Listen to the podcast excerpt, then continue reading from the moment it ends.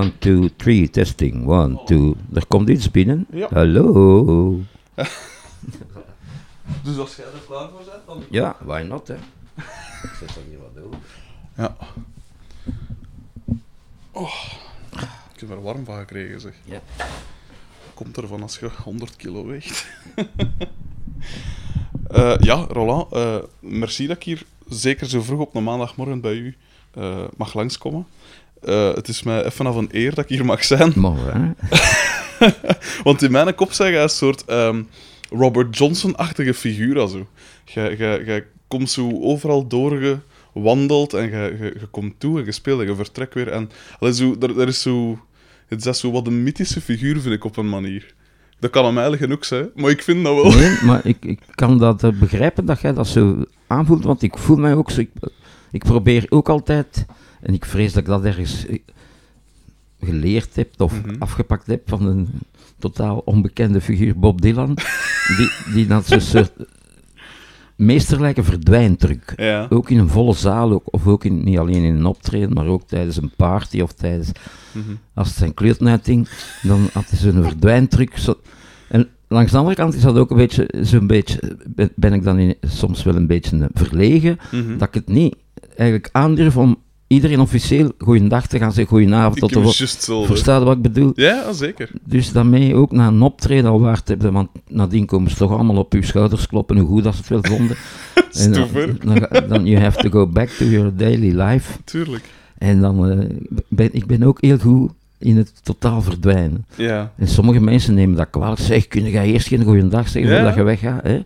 Maar Ik heb juist hetzelfde. Vroeger, op, eh, als ik op, op café ging of zo, toen ik alleen nog, nog jonger was, eh, of, of nog, nog vuiven, toen dat ik nog heel jonger was, want dat ik al jaren niet meer, eh, dan was dat ook plots... op een gegeven moment had ik er direct mijn goesting van, en dan verdween ik ook inderdaad, Hm. zo, ook zonder iets te, te zeggen. Ja. En dan kreeg ik juist hetzelfde. En echt gewoon, op, op een gegeven moment schiet dat zo te binnen en moet je weg. Dus eh, dat is heel herkenbaar. en ik herinner me één keer dat ik langs een venster van een wc buiten gekwikt, omdat it was the only way. I zeg, fuck, ik ga naar dat venster van dat wc. Goed, hè? En dan, dan achter ze naar beneden, weet je. En als ze zien dat ze, want dan moet je naar uw parking van uw auto en Ah, dan zien ze allemaal door het venster pakken. maar dan, goed, hè? Super. En dan ook een periode een tourneetje, ik weet, ik weet zelfs niet meer met wie. En plotsklaps, maar ja, ik ben ook al zo lang bezig met dat ding op een Uh-huh. kleinschalige manier, vind ik gelukkig maar. Uh-huh. En eh, ik was, ik had echt een... Oké, je doet je ding. Mhm. Het- Dat was in een tijd dat de culturele centra nog heel in de mode waren. Iedereen moest Ja. in een cultureel centrum. Maar op den duur is dat zo'n routine ook. Sorry, gasten. en, eh, je doet je ding, je hebt dat goed gedaan, je doet een bisnummer. Mhm. En nadien is het voor mij het werk gedaan. Alleen Mhm. muziek is voor mij gelukkig geen werk. Maar je weet wel, dan, is, Ja, ja, dan kan ik wel terug. Ik heb nog andere dingen te doen. tuurlijk. En de meeste mensen beginnen dan duvels te drinken en dan komen de urenlange durende, stom vervelende nabeschouwingen. Kende dat? Ja. Ja, maar zeggen, de drummer was twee noten te vroeg en de bassist kak Ja. en pis en dit en dat en wat moeten we doen met de blik? Dan Moet je kon weg. ik er ongelooflijk plezier in scheppen van terwijl ze daar allemaal de eerste duvel stonden uit te schenken. Ja. Met je auto, je zit al in je auto en dan traag voorbij de... Dan ziet je de backstage, dan ziet je de, de, de, de, vensters. Hé, kust mijn kloot en ik ben hier weg. Daar kan ik plezier... En dan een uur nadien was ik thuis met mijn eigen dingen. Schitterend. Dus dat is al een beetje, ja. Uh-huh. En dan, ja, Robert Johnson. Ik, ik- mijn geluk of mijn ongeluk is dat ik eigenlijk weiger van maar één stijl te doen. Ik ben door en ik ben 300% blues. Mhm.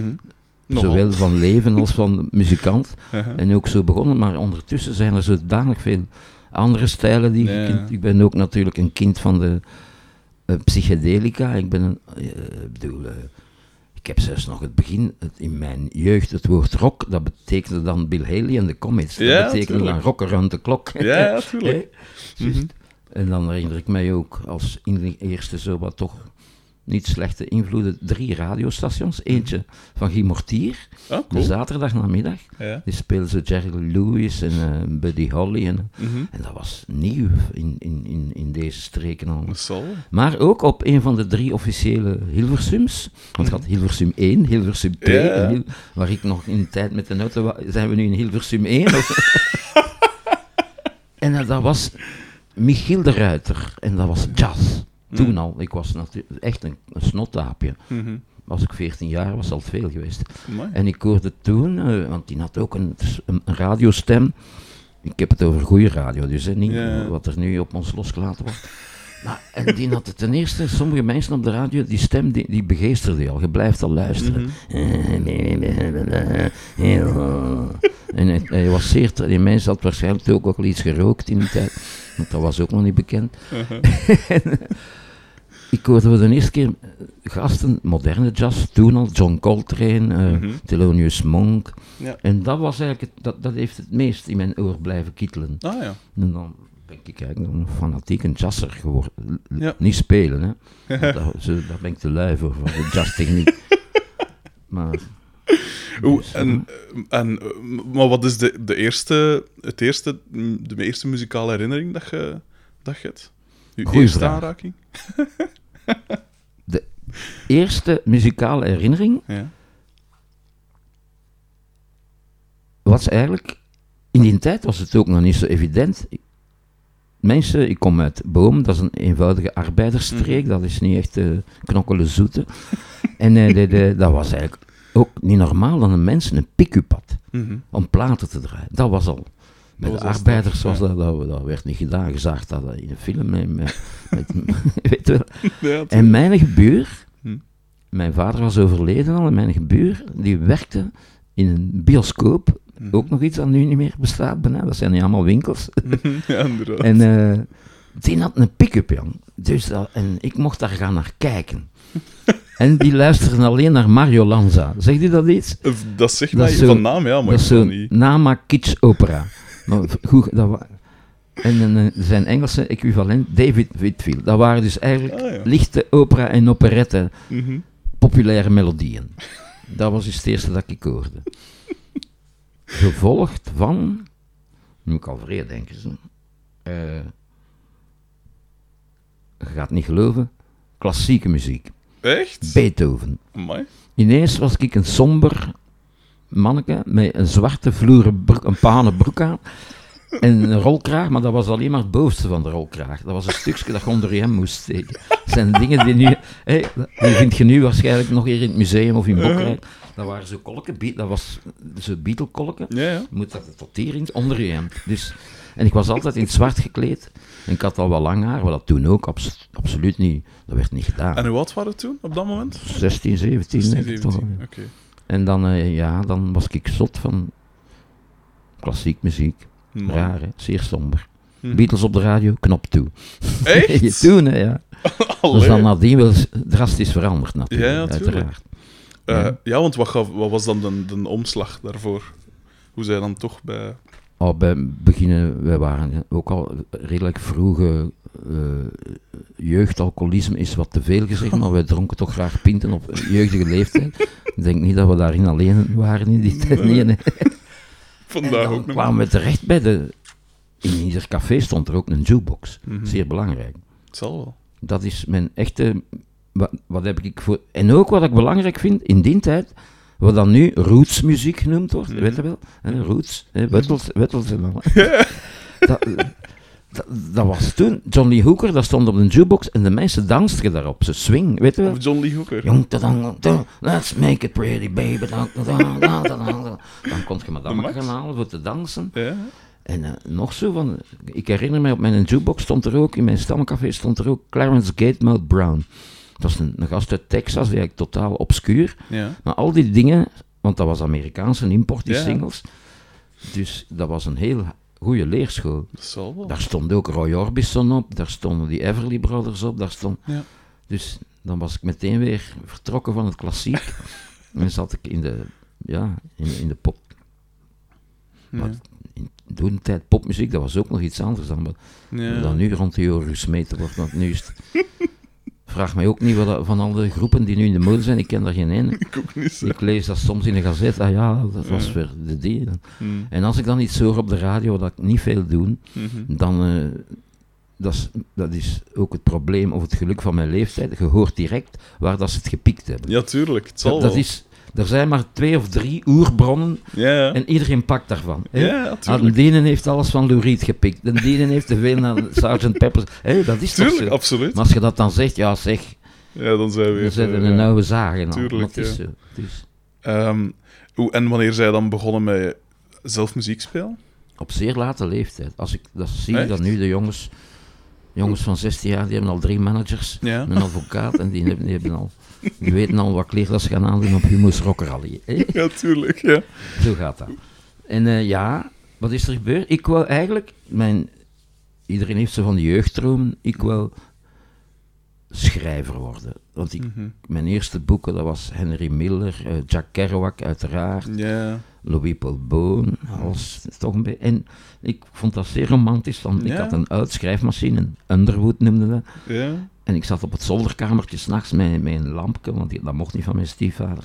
Ik, ik, ik, ik dacht, en het spijt me dat ik dat allemaal kwijt ben. Ja, dat zal wel. God weet, wat, misschien was het totaal een brol, maar misschien ook niet. You, Ja, never, voilà, you never know. Ja.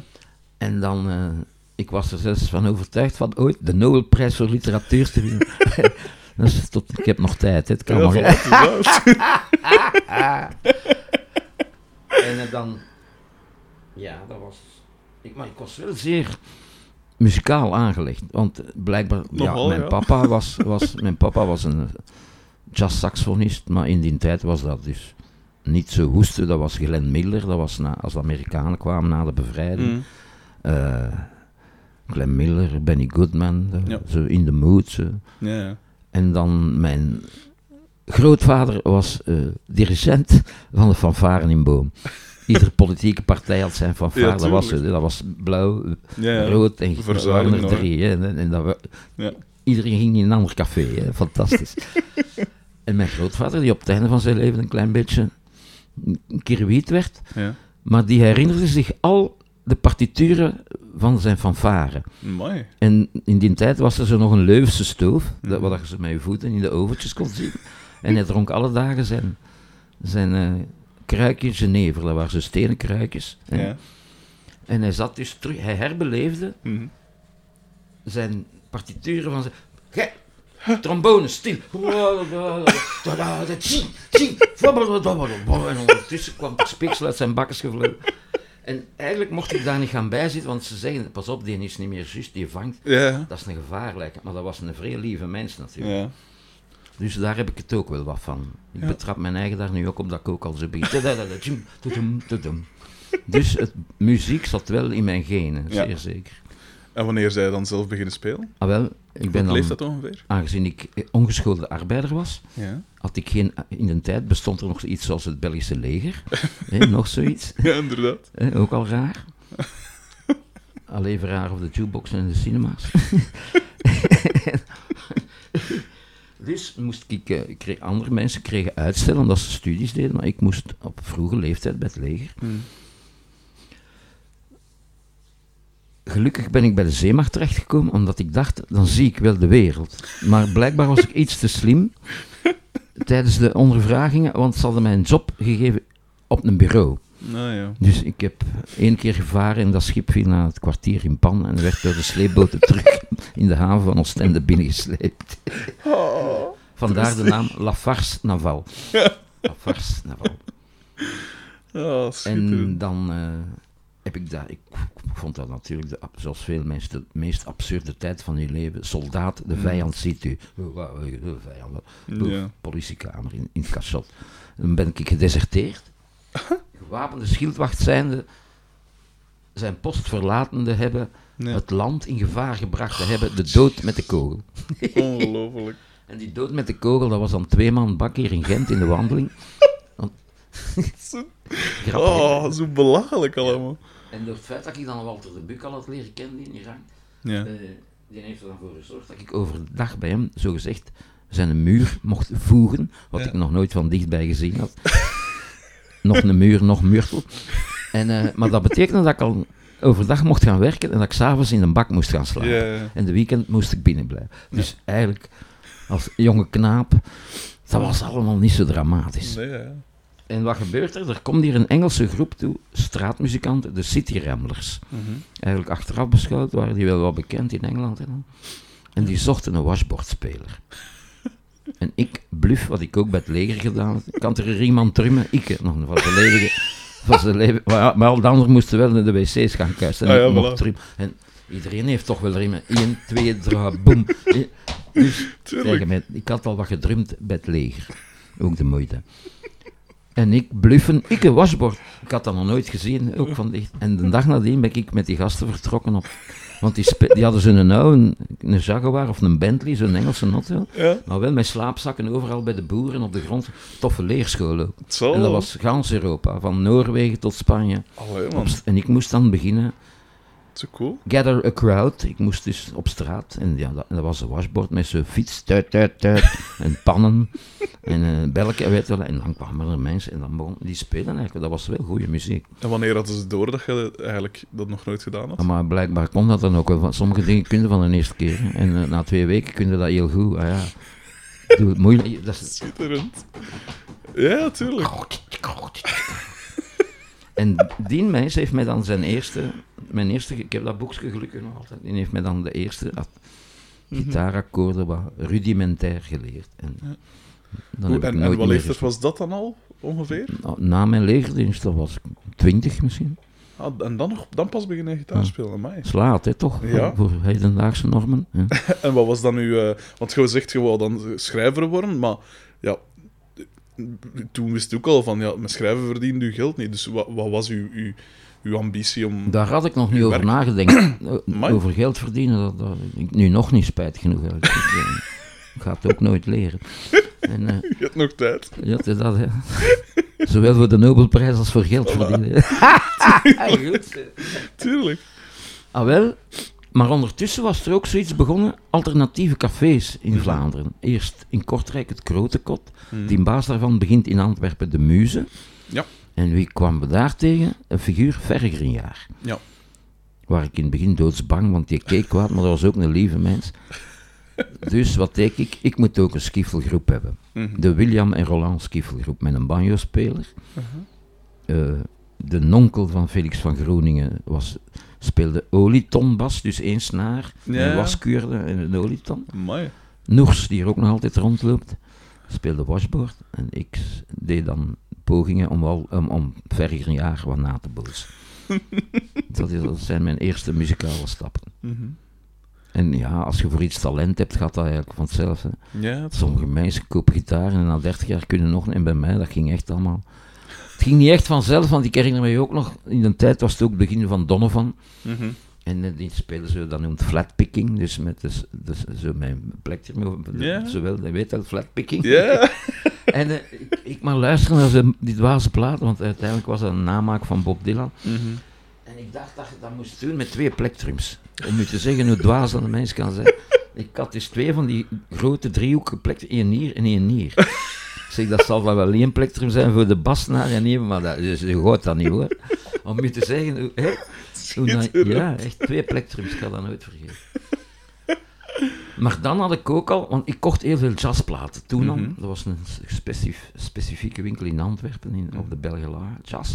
Maar zoals steeds, de blues was een beetje het kozijntje van de jazz. En dan was er één rekje met bluesplaat. Mhm.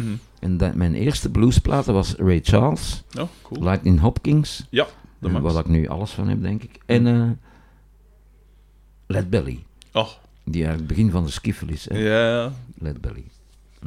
Drie, drie boegbeelden er vanaf. Ja. En nu nog altijd. Vind- Ja. Want eh, blijkbaar, je hebt zo een eh, jongen die in Antwerpen oude dingen, Belgische pop terug heruitbrengt. Mhm. Felix, eh, dat is die heeft ook mijn Snowblind terug uitgebracht. Oh, cool. En we hebben zo'n keer iets gedaan over Alan Lomax, die een film, Ja, ja. dat weet wel hè. Ja, ja, Dat is dan op tournee geweest in de AB en al. absoluut. En boven de AB is er een opnamestudio. Ja. En dat was een andere gospelgroep, dat noemde de Golden Glows. Dat is uit Antwerpen. Eh, Antwerpen, 2000, ja. De mannen van de speed en de snorf. En, ik deed dan eerst mijn ding alleen, Led Belly, want ik, ben zo via Walter, Walter de Buk zong ook alle liedjes van Led Belly. Oh, cool. Zeer cool, hè, absoluut. Ja.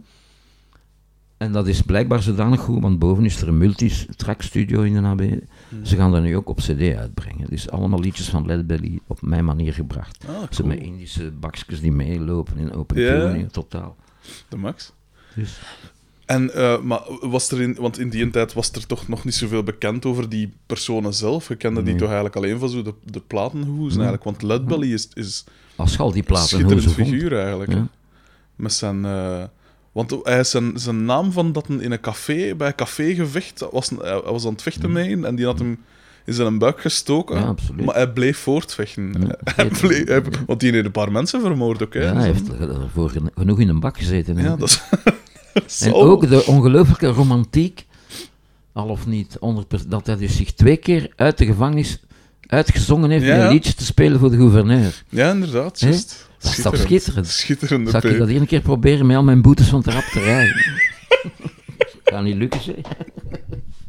Nee, tegenwoordig. eh, oh. Nee, maar, eh, want veel mensen. ehm je hebt zo die Nirvana, eh, die, die, die live, die unplugged sessie van, Ja. van MTV. En daar spelen. Black Girl, Black Girl. Ja, dingen. eh, in, in The. Pines, hè, van, van Pines, dingen. ja. En dan plots hoorde inderdaad door zo'n super oude Led Belly opname dat hij dat zingt. Maar, En hetzelfde met dingen, hè, met Black Betty van, van Ram Jam. Ah, Black Betty, bam, ik zoek zo een... er honderden. Ja, schitterend. Ik wist niet dat dat, dat, dat zo oud was. Ehm, en, maar, en, en wat sprak u dan zo aan in de blues dat, dat andere muziek niet had? Want je zegt, ik ben 300% blues. Boah, het simpele, eerlijke, want het is zo gezegd met, met drie akkoorden, als het al met drie is, soms is het met één akkoord. Ja, tuurlijk. Of dat, dat- dat- ja, de sfeer, waarom voel je tot iets aangetrokken ineens? Bzzz. Ja. Hm? Ja, ja ik, vind, ik moet ook zeggen, zo, bij de blues, ik ben ook een blues-fan. Ik zal niet beweren dat ik een kenner ben, maar ehm, wat ik vooral niet wil horen, is zo de afgelikte Eric Clapton-achtige. Ah, die heeft ik dat zo'n tijd geprobeerd, Ja, zo, met, zo wat breder maken en zo. Ja, je hebt er zo nog een paar, ja. Ja, Stevie Ray Vaughan en zo moet ik ook eigenlijk niet van weten. ik ben voor de echte pure blues. hè.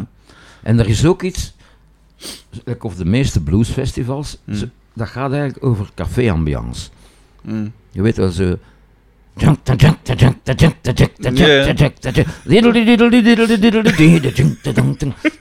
Dan heb ik veel liever Ja. Sleepy John Estes bijvoorbeeld. Mm. Eh, want je hebt Led Belly, maar gaat er natuurlijk enorm in die. Maar hij heeft zodanig veel dingen gedaan. Hij, heeft, hij had ook al ongelooflijke protestliederen. Hè? Ja, het zal wel. Bourgeois blues. Mhm. Dat hij met zijn vrouw niet binnen mag in, in die tijd. Ja, dat was schering en inslag dat je nergens Natuurlijk. binnen mocht. Ja, natuurlijk. natuurlijk. Zeker met zijn huidskleur, inderdaad. En wat ik vind dat er ook heel dichtbij zit, dat is de gospel. Ja. Dus de Staples Singers, Mavis Staples Ja. bijvoorbeeld, om maar de bekendste te noemen in Europa. Maar Mm. daar kreeg je de Sensational Nightingales, al die namen van die gasten. Ja, natuurlijk. Five Blind Boys of Alabama, maar ongeluk. Krijg, krijg, krijg ik weer als ik de namen uitspreek. Nee, ik moet ook wel zeggen, ik heb ook het liefst eh, dus zeker niet de afgelikte dingen, maar een van mijn favoriete bluesnummers is Talking the Blues van eh, John Lee Hooker. Ja? Dat ook gewoon in één akkoord is. Ja. Eh, of Crawling Kingsnake is ook zo, een, Ja. zo dat dreunerige. Dat stond ook op mijn jukebox allemaal. Ah, zo, voilà. Dat was in open, mi in open mineur. Hè? Ja. Johnny eh, had gewoon mi mineur. Ja. En een keer met een kapperdast. Ja, Dus tuurlijk. veel akkoorden. Ja. Wat niet, dan een paar mensen. Ik ben bij hem thuis geweest. Hè. Echt? Fantastisch. Oh, wat voor een mens is, of was dat Vrij echt? gewoon. Want ik heb er een dvd van ook, en dan, dan volgen ze hem, maar dat was ook al ouder. Hè. En eh, dan waren ze hem zo wat, probeerden ze hem zo weer, zijn carrière zo weer wat nieuw leven in te blazen, door dat inderdaad weer zo wat properder te maken, maar dat is Hm. dan... Zijn dat- oude dat dingen zijn de beste. Ah ja, voilà. En hij had dan, heeft er dan met Santana gemaakt. En Ja. hij heeft er dan, hij had zo altijd van die... Met Bonnie Raitt heb ik een keer Ja, iets gezien. Vrij tof. Ja. Want eh, zo, of een nummer gelijk Tupelo vind ik ook zo schitterend. Goed, ook gewoon die voet op, de, een- op een plank, en dan gewoon die gitaar, en dan die, die grafstem, maar zo. Oh, schitterend. Oeh, Ja, en- dat was Ja, ver- vertel maar. een of ander idee van mijn toenmalige platenfirma Virgin. Ja. Samen met eh, Humo. Humo Hey, jij nog bij Virgin gezeten? Ja, ja. Hebben die interesse gehad in, in een, Oh, een blues mens? Ja, toevallig. Ik heb dat Schitterend. Nee, dat was eigenlijk op. Er waren twee gasten, dat noemden Play That Beat Records. Ja. En die, die hadden mij, dat was een tijd dat ik met Arno de, Charles in de Lulu's deed. Ja. En met dat geld st- stak ik dat in een vrije kelderke, BSB-studio's. Vrij goedkoop, even groot of dat wij hier zitten, niks. maar wel een gast met joren aan zijn kop. Ja. En dan heb ik zo akoestisch twee platen gemaakt. Mhm. Little Sweet Taste en eh, Last Letter Home noemde dat. Gewoon gitaarlijk of Ja, zo. ja. Ja. En die gasten hebben dat uitgebracht en nadien is dat opgekocht door Virgin. Ja. Zo ben ik Ah, bij zo, Virgin ja, terecht. oké.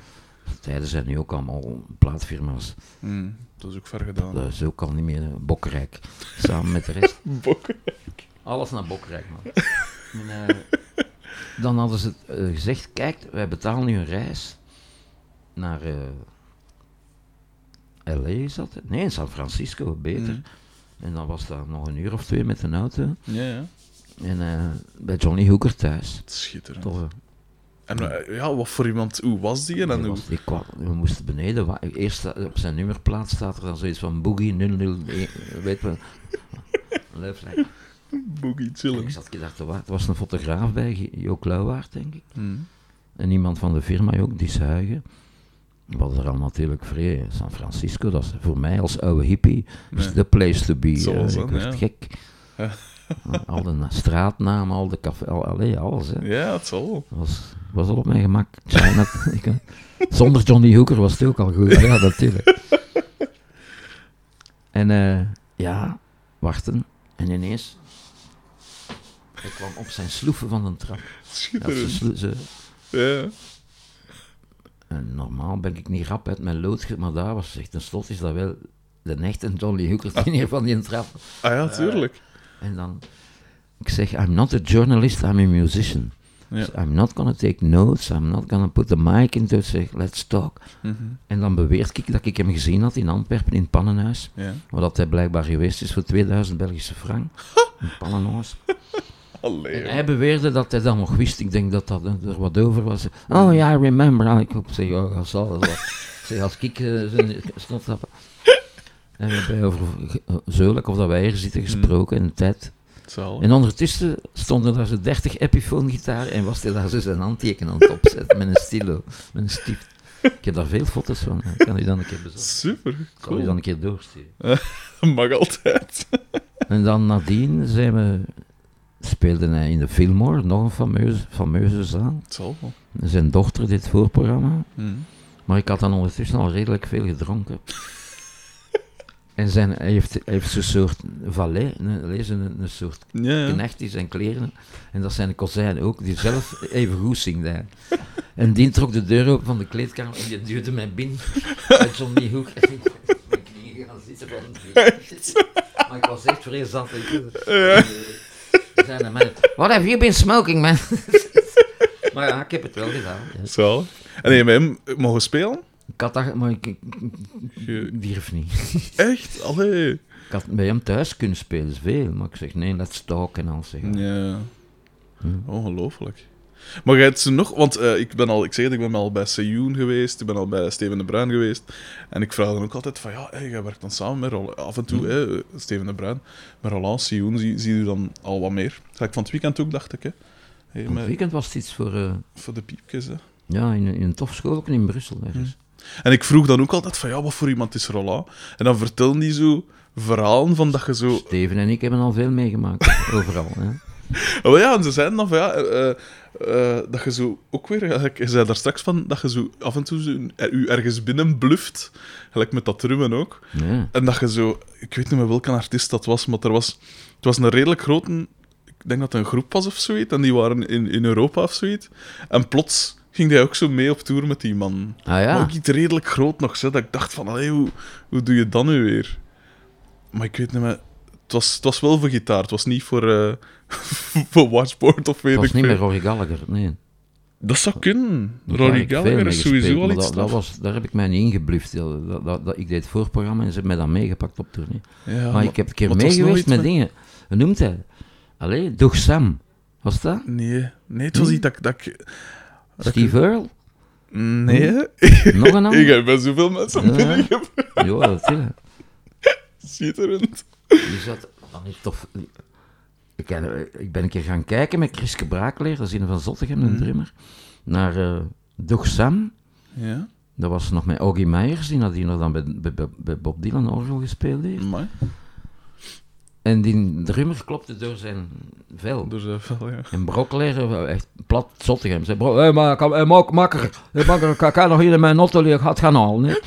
En die gasten waren zo dankbaar dat ze, you wanna come with us to Paris? Maar allee, En ik ben dan nog mee verder overal, want ze hebben dan altijd nog op, in het hotel een Ja. bed dat vrij is. Of iets. schitterend. Misschien, het is niet dat wat dat Steven de Brein bedoelt, denk ik. ik weet Nee, het is, ik weet het ook niet. Ehm, maar hoe, hoe dan ook? Je- dus je, heb je dan ooit buiten, dus je zegt in, het- in het leger je daar ergens op een bureau gezeten, maar je daarna dan nog echte jobs gehad? Want ik kan me moeilijk voorstellen dat je Nee. rondkomt van.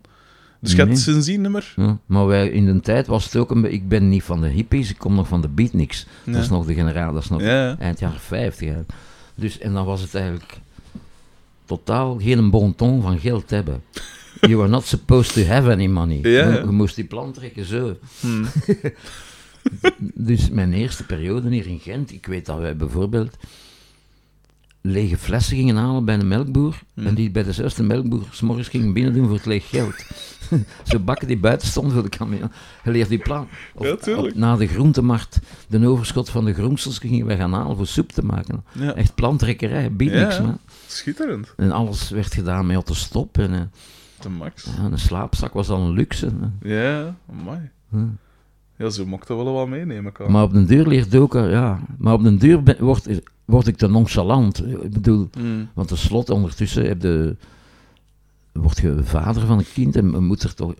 Ja, en je- tuurlijk. an- ik wil natuurlijk ook niet eindigen, like of de meeste groepen die het fantastisch vinden van vijf dagen na elkaar eh, het sportpaleis uit te verkopen. Dat vind ik wel gelijk. Ja, Dat heeft niks met muziek te maken. Je Nee. kunt even goed eh, baas worden van Coca-Cola, vind ik. ja tuurlijk. shit, hè. Tuurlijk, ja, ja.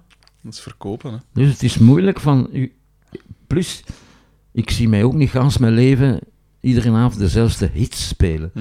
Die je ooit een keer als toevalstreffer Ja, gemaakt tuurlijk. hebt. tuurlijk. Zoals er ook groepen zijn. Ik ga geen namen noemen, maar we kunnen drie de, komen de muren vol schrijven. ja. dus voor mij, ieder optreden nog altijd, is altijd iets anders bij mij. Hm. Kan mij misschien wel aan... Er zal zeker altijd blues bij zijn, uiteraard. Maar als, als je in een goede bui bent, dan improviseerde je tekst en muziek tegelijkertijd. Ja, Dat is het beste. Mhm. Twee minuten nadien zei dat toch vergeten, soms spijtig genoeg. dus ik ben totaal het tegenovergestelde van wat een commerciële muzikant moet doen. Iedere Mhm. avond hetzelfde spelen. Liefst nog met hetzelfde kostuum aan. Liefst met dezelfde backingzangeres. Tuurlijk. Eh? Ja, ja. Liefst met de merchandising, liefst met zoveel. Maar man, I hate that shit. Dat zal wel, tuurlijk. Terecht. Oh ja, Terecht. dus Oeh, en dus, wacht, hè, want op een gegeven moment had er dan die skiffelgroep, ja, waarbij dat je een jaar naspelen. probeerde te zijn. Ja, ja, klopt. Oeh, en, en hoe lang heeft dat dan geduurd? En, en... Tof, want dan was er dezelfde manager toen van Vergeren, dat was Louis de Vries. Hm. Die nadien iets te maken had met een voetbalploeg in Antwerpen. Ik weet niet de welkste. Antwerpen 2003, weet je wel, ja. En, eh, en, en eh, dan mochten wij spelen. Nee, eerst was er een soort amateur talentenjacht in Jazz Bilze. Ja. En ik was dan alleen met mijn mondarm, want ook iemand waar ik naar op... Sonny Boy Williams. Oh, terecht. Ja, we zitten bij de goeie, hè. Ja, het zal wel zijn. We zitten bij de heel goeie. Uh-huh. En ik heb dat dan gewonnen. Er was ook niet veel concurrentie. Dat was niet moeilijk om dat te winnen. Maar ondertussen komt dan een keer in de krant en wordt er iets geschreven. Ja. En, en dan het jaar nadien, die zag, ah, met zijn skiffelgroep. Het eerste jaar had daar verder een jaar groot succes. Het jaar nadien waren wij dat. Mhm. En dan is dat zo, ja, blijven verder gaan. Dan speelden wij hier in Trefpunten. Toen hadden we ook nog een circuit die nu ook wat naar Bokrijk zal verhuizen. De jeugdclubs. Ja, inderdaad. Ieder, Ja, in ieder dorp was er een serieuze jeugdclub met zo'n typische schilderijen op de, schilderingen op de muur. ja, tuurlijk. En kon er al zuipen. ja. En dat was wat ons... En ook wat festivaljes toch al hier en daar, met mijn Mm. skiffelgroep. En dan kwamen we toen al Arno tegen met eh, Paul Koeter, die ik ook een keer moet eh, voor uw micro vragen. Dat is fantastisch. Ah, zeg, En dat, was, dat noemde dan Jens Koeter. Hè. Ja, ja, tuurlijk. En eh, op een bepaald moment, eh, ik kon toen al redelijk, ik was natuurlijk van in het begin zot van Bob Dylan uiteraard. Mhm. En de Amerikaanse volk, ik kon dat nogal goed. Mhm. Dus achter mijn debakkelen van met twee plekkerums te proberen spelen, had ik iets, ik kon eigenlijk redelijk goed fingerpicking. Ik, ben, ik ben dat nu wel vergeten, maar ik kan dat nog altijd. En wat gebeurde er? Het fenomeen kleinkunst. Mm. Miek en Roel. Ja. En in de tijd, de kleinkunst, dat was eigenlijk allemaal... Alles daarvoor, Milkoos en al, dat was eigenlijk allemaal vrij gebaseerd op Frankrijk. Mm. Op Georges Brassens, op zo. La Mineur Sol, La Mineur Sol. Ja, natuurlijk. En eh, bij Mick en Roel, ja, die keken dan ook al wel naar John Baez en naar eh, Bob Dylan. Mm. En die hadden gezien dat ik dat al redelijk... kon, ja. mijn gitaarspel, dat, dat bracht wel zo ineens een bit. Ja, ja, ja. En dan de eerste plaat van Mick en Roel in die tijd, dat gaat nu ook alleen nog in Bokrijk. Dat, ik denk dat die 70.000 LP's verkocht. Amai, In die tijd, hè. zot, ja. Iets dat, niks, dat toch ook maar niks gekost heeft in een studio met twee akoestische gitaren. en dat betekent dat ik ineens wel geld verdiende met Mhm. mijn gitaarke. Ik was niet de, de main attraction, ik was de begeleider, Mhm. maar toch. Ja.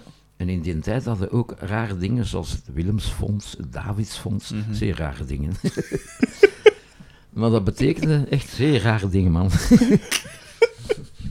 dat betekende dat, dat ik wel in de week ook al vier, vijf keer terugkwam. Ook iets dat niet meer kan, nu naar Bokrijk. Met cashgeld in uw zak. Cashgeld. Ja, ze komen. Tok, tok, tok, tok. dat was ook iets dat toen nog bestond. Cash. Dus dat was een leuk leventje voor een oude nippie of een oude beatnik. Ineens cash in mijn zak. Mhm. Wat er ook voor gezorgd heeft dat ik nog altijd eerst geld opdoe en dan pas begin na te denken hoe dat ik het ga moeten verdienen. Vooral in een gitaarwinkel. Dat ken ik. Nee, Oh, ik ben er ook veel te impulsief in. ik ben verschrikkelijk. Impulsie- ja, maar het kan me niet schelen. Ja, het schijnt dat je overal gitaren liggen hebt. Ja, Dat je zo, als je in het buitenland komt of zo, dat je er dat wel ergens... drie nu nog. En vandaag komt er een madame die werkt voor de ambassade in Afrika en die brengt een van mijn Stratocasters terug. Nu vandaag. Nu dat je het zegt. Goed, hè? Ja. Oeh, in Afrika, hoe zij daar aan Ah, terecht gekomen? Ik heb daar een keer een heel toffe cd opgenomen Hmm. met een Afrikaanse groep, Yonassi. Ja. Dat is vrij plezant. En dat was met steun van de ambassade. Ja. En ik ben daar dan blijven logeren bij dat madameke in, in, in Kenia, in Nairobi. Nairobi noemen ze dat. hè. Ja, ja. En eh, ja, dat, gitaar, ik, ik haat het van dan altijd tegenwoordig moeten discussiëren op het vliegtuig, want die gitaar Ja. mocht dat dan niet meer meepakken in de cabin baggage. En dan, Ja. en maar ja, dat gaat kapot gaan. Nee, of anders moeten bij. Dus op, dan laat ik die overal liggen. En dan zeg ik, ja, dan heb ik een reden om hier nog een keer terug te komen. Dat is ook waar, natuurlijk. Dus nu vandaag komt mijn Fender Candy Apple, die ik ook al heb uit de jaren 70. eigenlijk. Dat is, eigenlijk is dat ook allemaal geld waard als je het zo bekijkt tegenwoordig. En eh, vandaag brengt ze die mee. Ik moet daar straks om in Brussel. Goed, hè? Cool, ja, zeker. En dan ligt er nog één bij, eh, in Havana. Is dat ook het zesde? Ook daar... Geen goesting om dat mee terug te pakken. En- en dat- daar heb je ook een plaat op gepakt met iemand? Nee, dat, ben gaan dat was een keer zo'n soort culturele uitwisseling Ah, ja, tussen oké. België en Cubaan. Ja, ja. En ik heb zo ook iets gedaan voor- bij Wim van de Keibus, ballet. Mooi. En de, een van zijn beste, grootste dansers is de zoon van de Cubaanse bal balletcompagnie. Maar dat is er allemaal van de staat. Dus Ah ja, alles is staat. Maar Ja, nu gaat het veranderen, vrees ik. Mm. En eh, ik had daar dan iets gedaan, ook met, met dansers. Allemaal fantastisch, hè. Mhm. En dan daar ligt er een zwarte Les Paul. Die ligt er bij, bij iemand van de ambassade en ook in, in Havana. Dus daar moet ik terug naartoe. En dan ligt er nog een in eh, Singapore. Ligt er ook nog een. Oké. Dat is overal. Dat is niet Frankrijk en Duitsland, Nee, nee. dat is echt een ja. andere Maar het is altijd met de bedoeling van, dan heb ik een reden om hier nog een keer te Ja, ja. Hoe, en hoe kom je dan in Singapore terecht? Ik heb daar jaren gespeeld. Jaren gespeeld. Ja, maar er was een vriend van mij die nu overleden is, die had een jazzclub. Ja, De saxofoon, na- naar de Belgische uitvinder, uiteraard. Sax. Ja, En de opening was met Paul Ambach, Boogie Boy, ja. ja. Firmijn Timmermans, die nog de LSP-band gehad heeft. Ik weet niet, ja, dat was Nee, kan ik niet. dat is van Ninov. Echt? Ni- dat is wel vlak tegen mij dan. Ja, woont daar nog altijd. Ninov. Ja, Amai. ja een goeie drummer. Ja, cool. En dan ben ik er altijd blijven teruggaan. En dan, Mm. ja, op de duur. ja. Want toen ik je het eerst contacteerde, zeiden van ja, ik ga een maand op vakantie naar, wat was het, Laos of nee? Allee, ergens die kant, hè. Hm, klopt. Wa- wa- wa- waarom, wat vinden ze tof aan die... Java, Java, dat was het, Hm. sorry. Wat vinden ze tof aan die streek, aan die... het mysterieuze. Ja. Vooral Hm. Ik heb altijd zo, ook in de tijd, als je bij de jazz waart en bij de volk, dan waart je ook wat er in de mode was, was flamenco. En ik denk, zeker affiches van het stierengevecht eh, in de studentencoat. Uh-huh. Maar was er ook, zeer belangrijk, Ravi Shankar. Ah, ja, ja. De Indische muziek. Ja, ja. Die eigenlijk, door het feit dat ik John Coltrane kocht, zat er al in, want die luisterde voor in. hè. Mm. Dus heb ik altijd iets gehad met mysterieuze, met boekjes over Ja, ja. Boeddha, standbeelden, Indische toestanden. Mhm. En eh, dat trekt. En nu mijn re- recentste, het meest recente is Java. Ja. Want ik, ik was al een paar keer gaan spelen in, in een café in eh, Bali, maar dat is een beetje nogal toeristische. Ja. Ja, ja. is Mick Jagger has a house. En eh, iedereen Ja, heeft daar een tuurlijk. huis. Dan ben ik het al bij. want Ik ga weg. maar wat, wat vind ik in Java? Ten eerste dat ze nog heel veel oude tradities hebben, ook qua je lichaam te verzorgen. Die, hier geven ze je pillen en antidepressiva. Ja. Daar hebben ze nog ja, dingen die ze hier al lang verloren zijn. Mm. Eh, je, je gaat bij volle maan op, op die een boom en je, je plukt daar die blaar van. je maakt daar thee van en je drinkt dat. Dag Ja. nadien zult je genezen. Is spijtig, je kunt daarmee lachen, maar sommige van die dingen werken ook. Echt? Ah, ja. Oh, mooi. En dan vertelt mijn, dok, mijn normale dokter hier, dus mijn westerse dokter, Ja. die zegt, ja maar ja, 80% van al de farmaceutica, de grondstoffen komen uit Indonesië. Ah, uit planten en uit dingen. Ah, cool. En ook de muziek, gamelan en al. Van, Ja. Cool. Ja, ik vind dat... En het klimaat. En ook met 50 euro kun je daar een maand leven. Hier, Ja, vijf zal- minuten. ja, inderdaad. inderdaad. Ehm, eh, maar je hebt, dus je hebt al verschillende artiesten genoemd bij wie dat je al gespeeld hebt. Je hebt Ja. met, met Arno heb je gespeeld, zeg je, met Ja. Miek en Roel heb je gespeeld. Hoe kom je daar dan altijd zo bij terecht? Hoe komen, of hoe komen zij bij u uit? Dat kan toch niet dat jij de enige gitarist waart Nee, in, in Vlaanderen? Dat... nee zeker niet. Allee, dus dan... En was er eigenlijk iets van blues scene in die tijd? In België? Weinig.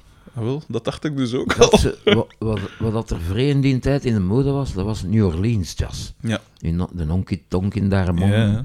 Weet wel, hè, al die dingen. Ja, ja. Hier in Gent was er de Lazy River Jazz Club. En daarbij was er dan al... Ja, New Orleans. Hmm. Als er daar geen blues was, dan weet ik het ook niet. Dus dan werd er al een keer Memphis Slim gevraagd. Ja, Dat nu ook niet meer echt in de mode is piano playing Ja. blues gaat. Memphis Slim, het. Sunnyland Slim, Hmm. eh, champion Jack Dupree. Die had dan een wijfkleer kennen in Mechelen. Die is hier dan blijven hangen. Hmm. Verhalen ook tegen de sterren. En dan de echte blues scene. Van lokale muzikanten was ik de enigste, denk ik. Hmm. Verre was meer skiffel eigenlijk. Ja. Verre, dat was Lonnie Donegan. Hè, eigenlijk. Ja, ja, Alleen. Lonnie Donegan, dat betekent dan ook weer direct Led Belly. Want dat is Ja, één rechte lijn. Ja, ja. En bij de jazz was het, en ook al de jazzorkesten met band, die zongen al een keer een St. Louis blues, of die, Hmm. die, die zongen al een keer Good Morning Blues, blues. Maar dat was dan met klarinet en een schuiftrombone. Ja. Maar toch zeer dichtbij. Hmm. Die, je zegt dan nu Memphis Slim en, en piano, blues. Ik ben nu zelf ook een pianist van opleiding. Ehm, dus ik speel ook, en ik ben ook een, een blues fan. Maar op piano, ik blijf dat toch... Het is anders, hè. Dat mist iets, vind ik. Een gitaar is, is. Rauwer ook en echter. Als je dat, ik kan me niet voorstellen dat je als armen, eh, Nou, als arme zwarte jongen, recht van een katoenveld, dat je daar een dat piano... Een Steinway hebt staan Ja, voilà. bij grootmoeder. En zo'n een brolgitaar, dat kan ik me nog voorstellen, maar... En ik denk ook, het woord rambling komt heel veel in de blues, dus van, Mhm. van de een dorp naar de Rondtrekken, ander trekken. En dat je kun je wel met een gitaar op je rug. Hè. Zeker in open tuning met een bottleneck. Ja, Dat maakt veel lawaai op straat. tuurlijk. Dus Tuurlijk, ja. En inderdaad, heb je, ik toen ik in mijn, waar ik nu woon, ben gaan wonen, moest ik dus mijn piano ook naar boven Oh. krijgen. En dat was... dat, dat wens ik niemand toe. nee, nee. Dat met zes man daar een piano naar boven zit te sleuren, dat was niet, eh, niet evident.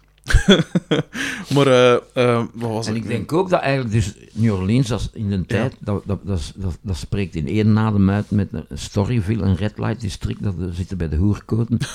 en ik denk dat die piano, dat dat vreemde hoerkoten was. De Ja. Barrelhouse, Ja, en de, de Dirty Dozen. de- de- dat, ik denk dat dat vrij gelinkt is aan, parlors en aan ja, hoerenkoterijen. ja. Terwijl voor mij, we zijn al begonnen met ons gesprek met over Robert Johnson te spreken, dat dat meer echt gasten zijn die met gitaar van de Ja. ene staat naar de andere trekken. En ja, het zal wel.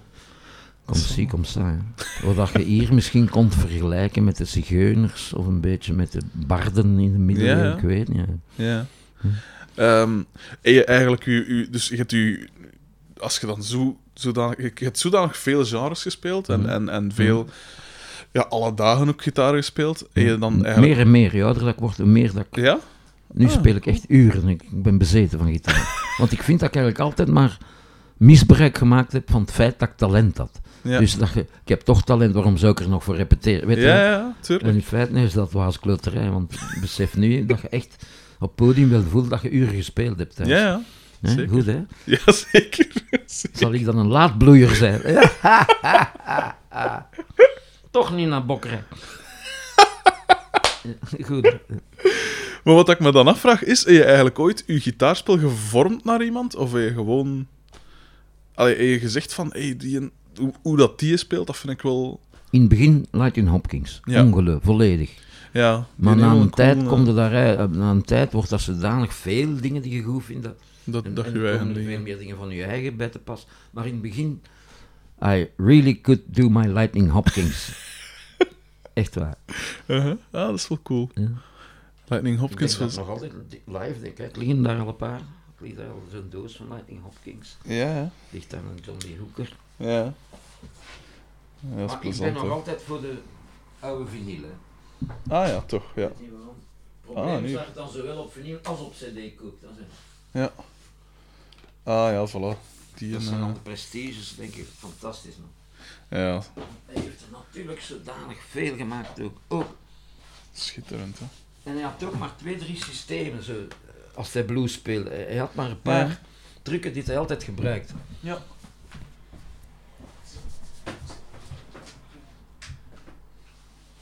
En dan ineens, je hebt daar straks de naam Eric Clapton Ja. genoemd. We gaan dat niet meer doen.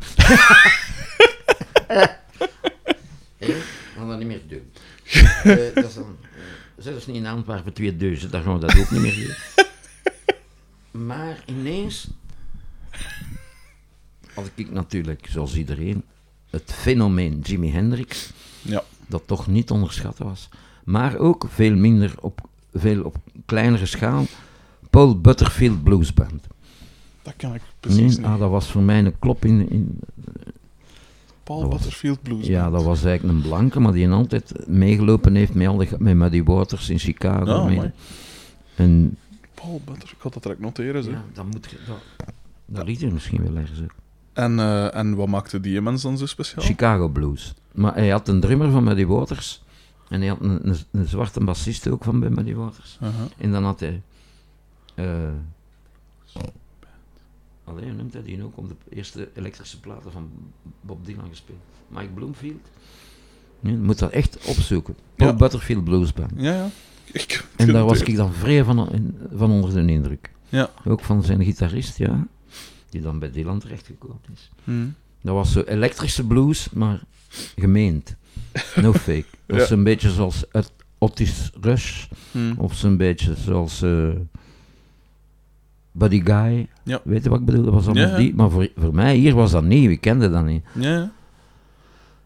Ah, ik heb ook een keer eh, gaan eten met Muddy Waters. Ah ja, ah, ik heb Ah, ja, even nee, een keer gaan nee. dat was fantastisch. Dat Dat was, zal wel.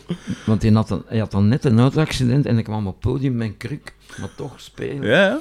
En dat was eh, omdat Paul Hambach heeft ook veel concerten ingericht Mhm. als, als concertpromotor. Ja, inderdaad.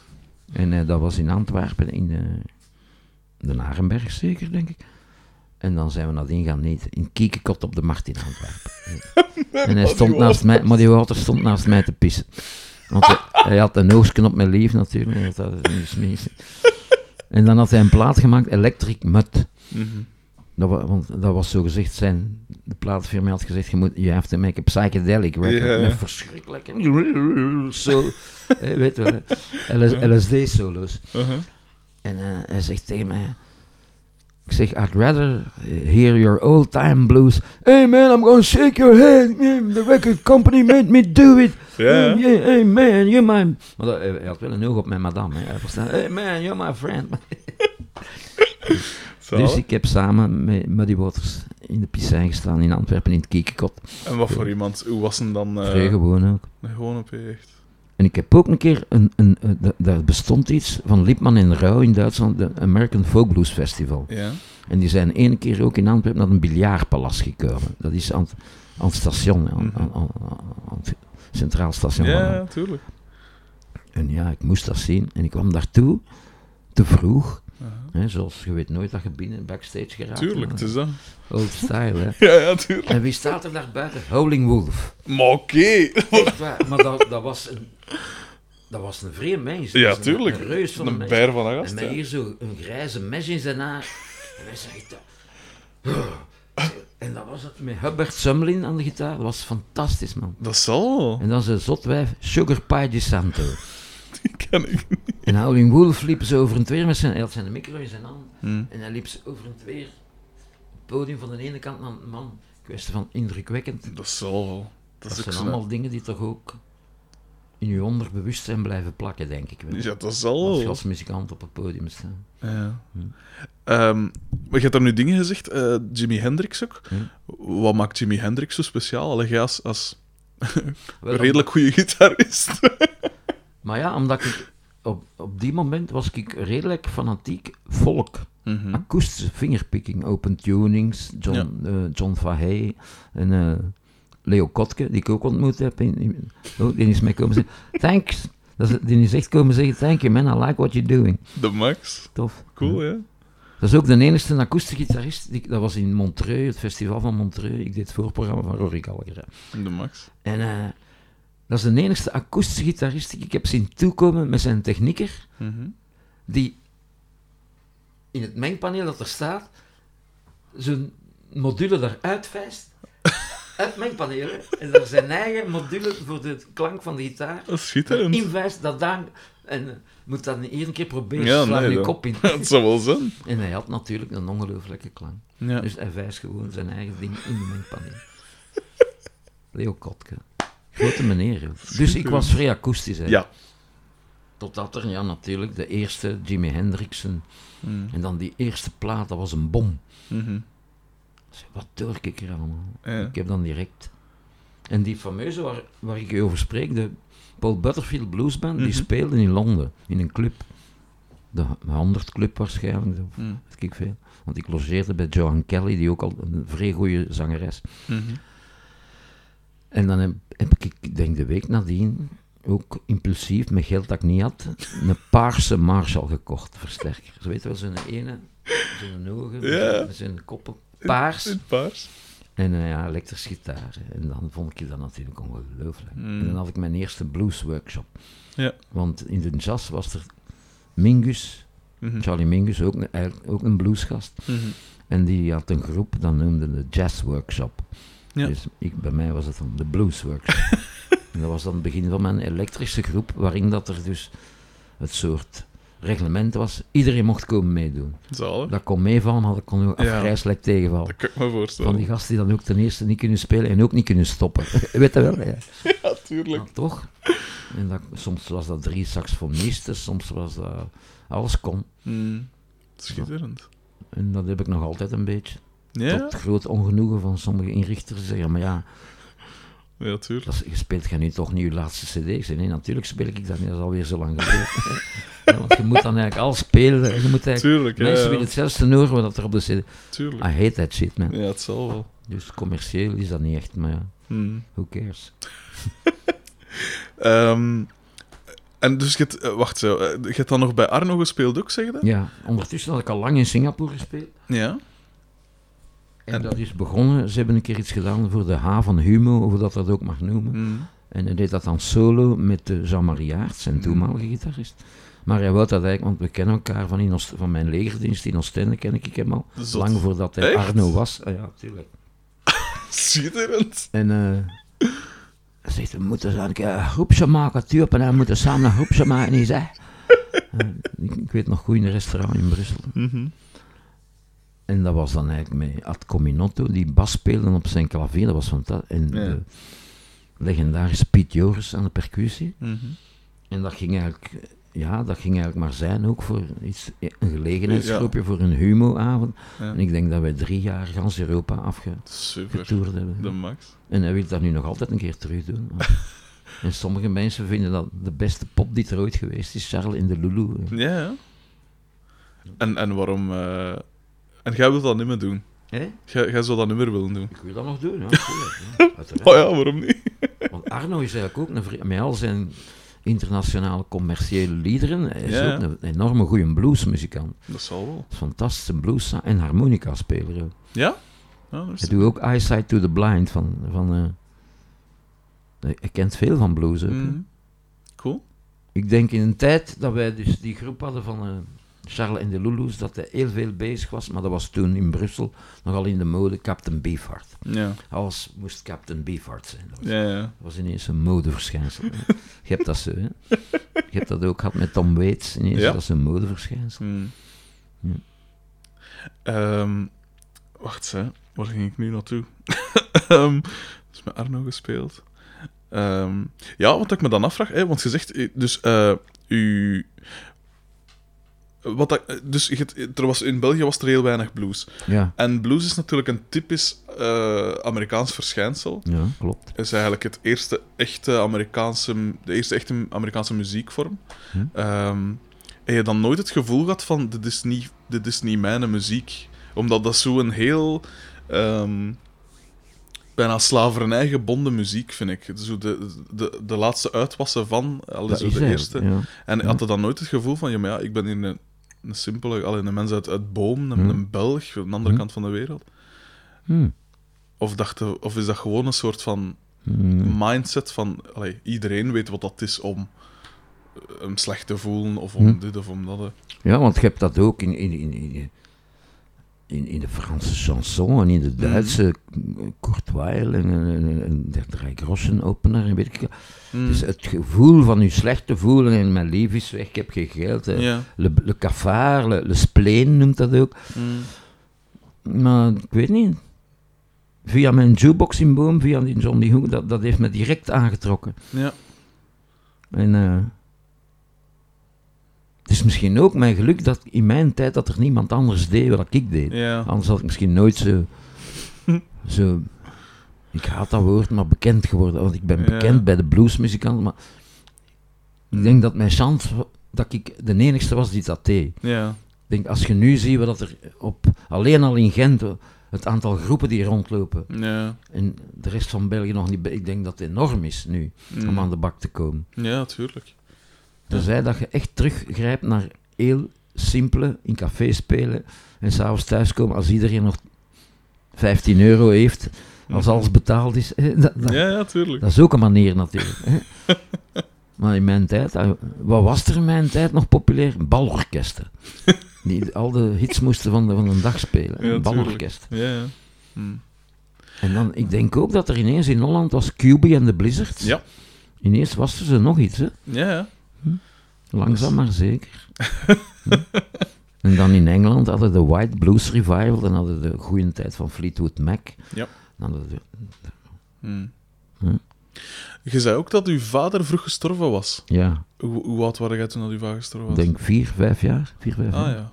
Want ik mijn vader is ook vroeg gestorven. Ik was toen tien jaar. Hm, ik heb dat zien gebeuren ook. Dat was ik niet- ook, hè. Ja? Ik heb, me- ik heb die zien ver- die is verdronken voor mijn Oh. ogen. Letter, niet letterlijk, maar toch. ja. In Boom waren er kleiputten Oh, voor, bakstenen te maken, klei. Hmm. En als die kleiputten volgeregend worden, worden dat ze natuurlijk, maar dat is wel levensgevaar. Het zal wel, ja. Van is- onder is dat ijskoud en Ja.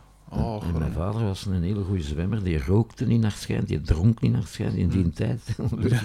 ja, inderdaad. en ineens heeft hij iets gekregen of is hij vastgeraakt of was er iets mee, Oh, mee koud. En eh, de mensen zaten allemaal buiten in de zomer aan die putten, kent dat zo? Ja. volkse buurt. En die is dan eigenlijk, Ja. bij wijze van spreken, voor, voor mijn neus verdronken. Maar ja, ik was echt nog te jong om te beseffen wat er Ja. gebeurde. Ja, want dat had ik dus ook... te- dus eh, als je dan zo tien jaar zit, dan begin je zo te beseffen van oké, dat is ook een mens met een leven en een bepaald Ja. karakter en, en dingen. Ik heb Dat mijn wel- prille jeugdherinnering is mijn vader, die werkte op de beltelefoon, Ja. waar, waar ze mij dan ook naartoe, dat was in de familietraditie, ja, gaat er ook maar tot die 64 jaar hè. Dat was allemaal zo. Ja. En ik zie hem dan, ik zat toen al, ik had een chromatisch mondharmonica om een of andere reden. En ik zat buiten op de stoep, Uh-huh. zo operettemelodietjes te spelen. En Mhm. dan kwam, zag ik mijn vader afkomen als hij van zijn werk kwam met zijn tas met en, en een thermosfles. En ik herinner mij ook nog dat er één keer per jaar mocht er niemand in de keukentafel komen, want dan deed hij zijn saxofoon uiteen voor te kuisen. Oh, de max. werden al die vijsken, dat is... Ja, ja. Ik zie dat nog voor mij. Amai. Maar dus wat dat hier nu zegt, en bijna terloops is dat je eigenlijk op je drie, vier jaar, dat al een mondharmonica in je hand had. Ja, dat is toch wel... Dat is toch getikt? Welke kleine van drie jaar zit er in En mondharmonica? in, in school was er, ik weet niet hoe dat, dat bij u was, bij mij in het ateneum was er één uur per week muziekles. Mhm? En dat was over het algemeen een verveeld, een brave mens die moe, Tuurlijk. getergd iedereen had aan zo die dingetjes voor kanarievogels te leren zingen. Piep, piep, weet je wel, kwiek, kwiek, kwiek, kwiek. En dan werd, werd er zo'n Propjes geschoten. schoot op die mens. Piano spelen en je zegt tegen mij, je hebt talent voor Hoe, dat piano. kost ook, of wat? Ja, ik vond zoiets. maar eh, dat- ik zal, dat zal wel geen Chopin geweest. Maar die zei, jij hebt... Ik wil met uw ouders spreken, maar dat was toen al met mijn stiefvader en die dat boterde natuurlijk niet. Nee?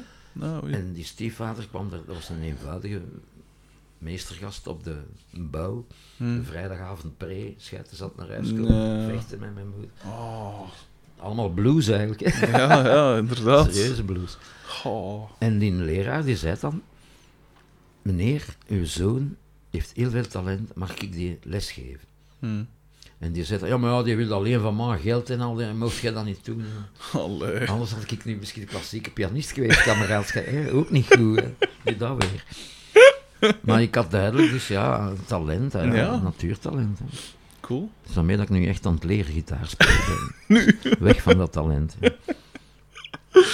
Oh, schitterend. Ik ga rap even zien, want jij moest ze biedt nog, nog weg, hè. ik Ik, heb geen, we kunnen ook zelfs een koffie drinken hier op de hoek, als als het is. Zo. Dat mag altijd. Ja, ik moet mijn dochter. Ja, het is dat. Die, die heeft nu ook veel, om maar te zeggen, heel veel verschillende richtingen gedaan, maar, eh, maar ook eh, Hm. misschien wel een beetje een familietrek, vrij koppig en vrij eigen goesting. Ze heeft eh, fotografie gedaan, ze heeft dit gedaan, ze heeft, en nu heeft ze iets gevonden dat ze graag doet, maar het is ook totaal niet commercieel. Ze maakt nu pruiken voor theater. En ze is Schitterend. Van de week, maar dat is met de hand, hè, Peter, Ja, dat wel? zal wel, Dat ja, wordt zo geknoopt. Met, dus zo één pruik, dat is in werkuren al niet te betalen. Dat is zot, hè. Ja, tuurlijk. En nu... En eh, griemen voor, voor film en dus ze maakt. Vandaag moest ze, zelfs moet ze een sirane, moet ze een, hoe noemt hij? Ik zal het eens een keer zeggen. Ambiorix moet ze maken. Ah, ja. Dus ja. ze heeft zo nu roste wenkbrauwen en ze en ze... Dat, moet, dat, dat, dat is toch tof, hè? Ze- Ja, het zal wel. En ze voelt zich daar vrij goed bij. Dus ik hoop dat ze zo een keer ergens terechtkomt in een film of in, Mm.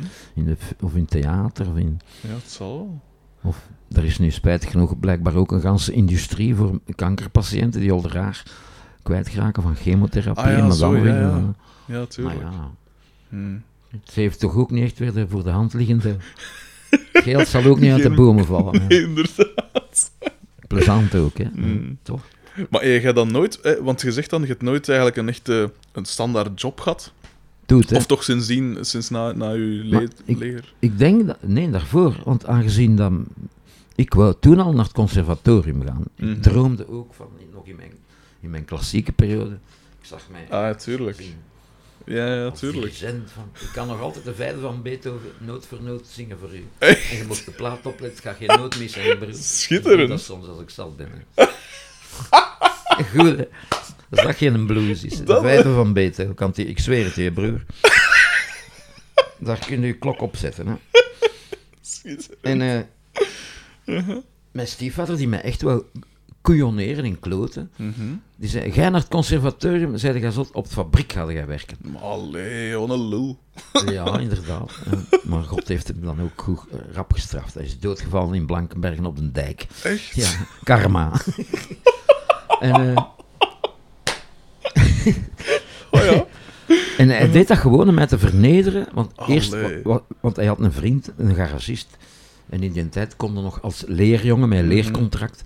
Dus ik kwam alle dagen thuis, want ik moest dan van onderen die auto's doen. Ja, tuurlijk. Achteraf beschouwd, allemaal leerschool, weet je wel? Ja, ja. En dan heb ik achtereenvolgens in een nylonkousenfabriek gewerkt. Dat zijn ze Charlie Chaplin, dat zijn ze Ja, ja. 30 machines die staan te breien. En jij moet er altijd van boos zijn. Oh. Met zijn oliespijp. En ik had één machine dat kapot was. en ik had een kous gemaakt met zo'n been en zo'n voet. Had die eigenlijk moeten bijhouden. Na twee weken heb ik daar mijn ontslag gekregen. Ik moest niet meer kut, was goed. Ja. Dan heb ik bij de Volslemmers gewerkt. Dat vond ik Echt? plezant. Potten mayonaise bij de, in de reclame. Mhm. In de beltelefoon, dat was akelig ook. Aan de lopende band, relais. Ja, ja. Dat is juist, ja, de, de usual. ja, ja. Dus dat ik tot voor mijn legerdienst wel een zekere leerschool gehad heb van hoe dat je het niet wil Ja, hebben de nee, rest van je leven. Ja, ja. Dit, nee. Ik weet nog, mijn meester, dat was een punch. Een punch, dat is zo'n ding dat Ja, metaal in een vorm ja, ja, tuurlijk. giet, weet je wel. Ja, ja. En die was al twee vingers kwijt van mij, zijn Oh. vingers onder die punch. Oh, En die, die stond, na een tijd staat hij daar weer en die, en die zegt dan tegen mij, als ik op pensioen ben, 64, dan ga, dan ik er een keer van profiteren. Ja. En ik was toen 17, ik zeg, zo, dacht, ga ik niet wachten, Nee. broer. het zal wel. Dus die heeft daar gans zijn leven misschien nog iets kwijt. Oh. Aan de lopende band, dan weet je wel, dat... Ja, ja, ja. Fuck, jong. Ah, wel, maar ik heb, ik heb exact ik heb, toen dat ik eh, ging studeren, eh, of van als ik vakantiejobs mocht doen, heb ik altijd gezegd, ziet, want ik ben ook van bescheiden afkomst, eh, en met dat mijn vader vroeg gestorven was, dat was natuurlijk ook niet super breed. Same, bij mij ook, hè. Dus ik, ik zei altijd van, ze, eh, maakt niet uit wat dat je mij geeft van job bij interim kantoor. Ze zei ik Hm. altijd van, eh, in, in de zomer, maakt niet uit wat dat is, als het maar goed betaalt, ja. en dan zal ik wel... eh, Hm. En dan ben ik een keer een zomer facteur geweest, en dan Ja, een keer twee, twee zomers op een werf, dat ik 11 uur per dag moest werken. En wat moest je doen op de werf? Van alles, Alles, hè. Want voilà. ja, je hebt dan die echte, die vakman. Ja, vrije wereld ook, hè. En het zal wel zijn. Serieuze want, wereld. Want we hebben daar toen, dat was 11 uur per dag, dat was een deel in, het- in het zwart natuurlijk. Eh, en we hebben daar alle dagen frit gegeten, maar ik was op het einde van de maand wel 8 kilo lichter. Ah, ja. Dus, dus daar, werd wel, daar werd wel gewerkt. Mm. Ehm, en ik, ik heb dat ook altijd beschouwd als, als, een, ding, als een motivatie van ziet. Die mensen doen dat alle dagen van hun leven. En zie dat jij nu probeert ervan te maken wat dat je kunt. En, ik had dat ook, ik had dat rap begrepen. Ja. Ja, want... Want juist gelijk als dat jij... Allee, ik neem aan dat jij... Je, zegt, je zei dat ze... Of je liet uitschijnen van ja, geld op zich, ja, dat... dat, dat doet... Allee, als je rondkomt, Hm. dat volstaat Ja. min of meer. En dat heb ik ook altijd wel gehad. Hm. Ehm, vooral als je weet... Mijn vader is gestorven op zijn 42. Eh, dus ik dacht ook van...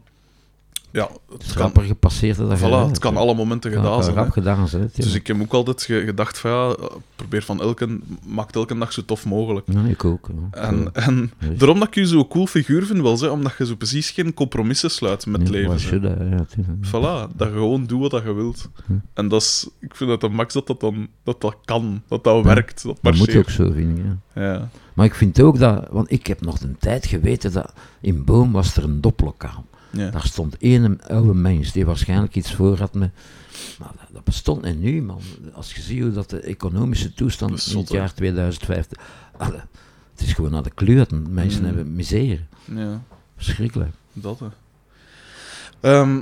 Heb je, zei, dus je, had ooit ambitie om schrijver te worden. Heb je Ja. dat dan nooit meer... Heropgepakt, ja, natuurlijk. eh, Wat heb je dan zoal gedaan? Of wat, Ah, hoe, wel, ik hoe heb veel dingen bijgehouden, toch? Ja. Links en rechts. En onlangs was er een gast die de leiding had van de Belgische bezige bij. Die zijn nu over kop. Dingen, Harold Polis was Harold, ja, je kent hem. Ja, een ja, ik heb guy. ook bij de bezige bij een boek geschreven. Ja, toffe eh, gast, Vorig jaar, heel toffe Ja. gast. Hij is niet op zijn eigen zeker? Ja, ja, hij heeft uitgeverij Polis nu, hè. En dan ging ik dat... Maar en ik, om een of andere reden, als je een lange vlucht hebt... en nu- iedereen heeft nu zo'n tabletje, je weet dat ik... Dan zit ik uren te schrijven. En dan komen ook allerlei herinneringen terug en al. Dat is zo. Tuurlijk, ja. En ik had dan al van alles. Ik ging dat dan samen doen met Mark Didde, u bekend. Ja, tuurlijk. Die ook wel een pen heeft. Dan maar. Absoluut. En ik ging dan op mijn manier schrijven. En, Hmm. en dat is in het beginstadium. Maar dan, ik doe graag alles op mijn tempo. En dat Terecht. kan soms traag zijn. Ik Absoluut. spreek over jaren. Ja, ja, ja. En dan, dat is nu nog altijd, ja, er is al van alles. Mark heeft iets. En dan Polis is dan, Ja, ja. die, is- die, hebben- ja, die kent ze. Ja, maar ja, we moeten dat hebben voor de boekenbeurzen. Kent Ja, dat tuurlijk, ja, ja. Ik zeg maar, ja, zeg. Als ik het doe, moet ik het doen. Dus ik heb veel, uiteraard. Dus, dus je bent eigenlijk een soort autobiografie aan het schrijven nu, of wat? Boah, maar ook, ik vind het leuk van, van iets te vertrekken dat echt is en daar dan de daar- meest zotte dingen bij te fantaseren. Tuurlijk, ja, ja. van Münchhausen, man. Jules Verne. ja, Terecht, ja, who cool. needs reality? Ik bedoel, Ja, allee, dat, moet er, dat moet erbij zijn. Ja, ja. Maar je mocht er ook tot totaal een bocht uitgaan. Hè? Schitterend, ja. ja. Ah, wel, dat, dat is het geestige dat je het zegt, want dus, eh, Harold had me gevraagd om een boek te schrijven over Mark Wilmots. Dus Ja. met WK dat eraan kwam en Ja, voetbal en wat nee, allemaal. nee. Maar ik heb nooit zo echt ambitie gehad om, om sportboeken te schrijven. Ik wou ook zo fictie en mijn eigen dingen. En, Sportboeken, dat is een stil apart, denk ik. ah, wel, voilà. En hij zei van, eh, ik zei van, ja, maar ja, allee, ik zei hem dat ook, dat is niet mijn ambitie. En eh, hij zegt, maar ja, mij maakt het eigenlijk niet uit over wie dat je schrijft. Leg daar veel van jezelf in en, en maak er iets tof van en, eh, en doe je dingen. En daarom, ik hem toen ook, ik heb dan wel inderdaad, ik ben altijd vertrokken van die mensen zijn carrière van Mark Wilmots en, en wat is het allemaal. Maar ik heb er heel veel, eh, bijna op column, een soort columnstijl, dat je er ook zo wat bij zevert en wat. Maar dat wel duidelijk is dat het, dat het dat, op dat moment zo wat meer fictie is. Of dat je vanuit je eigen dingen schrijft. Dus dat is, wel, dat is inderdaad wel een coole manier van schrijven. Ik was blij van die mensen te leren kennen, Harold Ja. Polis. Dat was tof, echt. hè. Dankzij Mark Diedenhuizen. Ja, Dus dat dat is... is een coole op inderdaad. Dat zijn dingen die ergens in een schuifje liggen en dan trekt dat daar weer uit en doet het weer verder. Ja, Maar ook tegelijkertijd, onze goede vriend Stefan van Vleteren, Ja. die heeft ook een uitgeverij, je weet dat. ja, Ja, dat samen wist met ook een sportjournalist, maar ik kan geen Ah, namen cool. onthouden. Je kent hem zeker. ja. Een tv-figuur die sport doet. Ja. En die hebben samen een uitgeverij. En die had ook een idee geopperd van, kijk, toevallig liggen hier zo'n foto's uit. van, Ah ja, ja. Hier, Tony Hilker. Schitterend. Goed, hè? Oh, en, en zelfs gesigneerd of wat? Ja, ja. Oh, daar ga ik nu toch wel even een foto van maken als ik mag. Maar ik denk Of dat- niet? Ja, dat mag natuurlijk. Ah, cool. Kijk, en ik Oh, denk dat dat ik cool, heb die je mocht hebben. Oh, meen dat? Ja, oh, dat dat- is super cool. Merci. En dat is bij Johnny Hooker tijd als zijn huis. Buiten. Ah ja, ja, juist. Ja, Ah, wel in die documentaire is, was dat pijzig. Alhoewel, nee, dan zal het al verhuisd zijn. Ik denk dat dat op een hoek was. Schitterende Dat is foto ongeveer een uur rijden buiten San Francisco, richting eh, Mexico. Oh, zo Gewoon cool. die mocht hebben, ja. Oh, dat is echt een super cadeau. Merci. Het wil nu lukken, ik was de zaterdag verjaard, dus ik zal het beschouwen als een verjaardagscadeau. Oh, zo'n coole foto, man. Die zijn neus is ook zo schitterend, hè. Die nemen moeite een neus. Echt een lieve, lieve mens. Ja. Fantastisch. Oh, en, en zie, die pink, jongen, wat een dikke pink dat die mens heeft. Je moet er een keer op letten. Ja, dat is- Dat is een gitaarpink. Ik denk dat hij zes maanden nadien dood was als ik daar geweest ben. Ja, dat zou ook kunnen, Ja, inderdaad. ik met mijn stukken mijn kloten op de grond zitten. maar ja, zeg ik. Oh, zo cool, merci. Die gaan ook... Dat doe ik nooit weg. Nooit van mijn leven. Moet er niet weg doen. Nee. super top. Ehm, wat, wel, wat ik me nu ook afvraag. ehm, dus je zegt, je hebt superveel gitaren en ik heb hier inderdaad kisten zien liggen in uw douche. Spijtig dat we hier recht over niet kunnen, daarin te slaan. Ja, goh, ja, dat is, dat is geen probleem. In Gent zei, laat maar iets weten. Ah, dat is heel vriendelijk. Merci. Wat ik me dan ook afvraag, dus je hebt superveel gitaren, eh, maar eh, ehm, naar wat kijkt je als je een gitaar koopt? Of, en zij heel kieskeurig qua merken, of maakt dat niet uit? Ik neem aan dat je sowieso iemand zei dat ervan uitgaat, een gitaar moet wat geleefd hebben, moet wat een verhaal hebben. Dat kan ik me nu wel. Maar naar wat kijkt? Of op wat letten? Dat is moeilijk.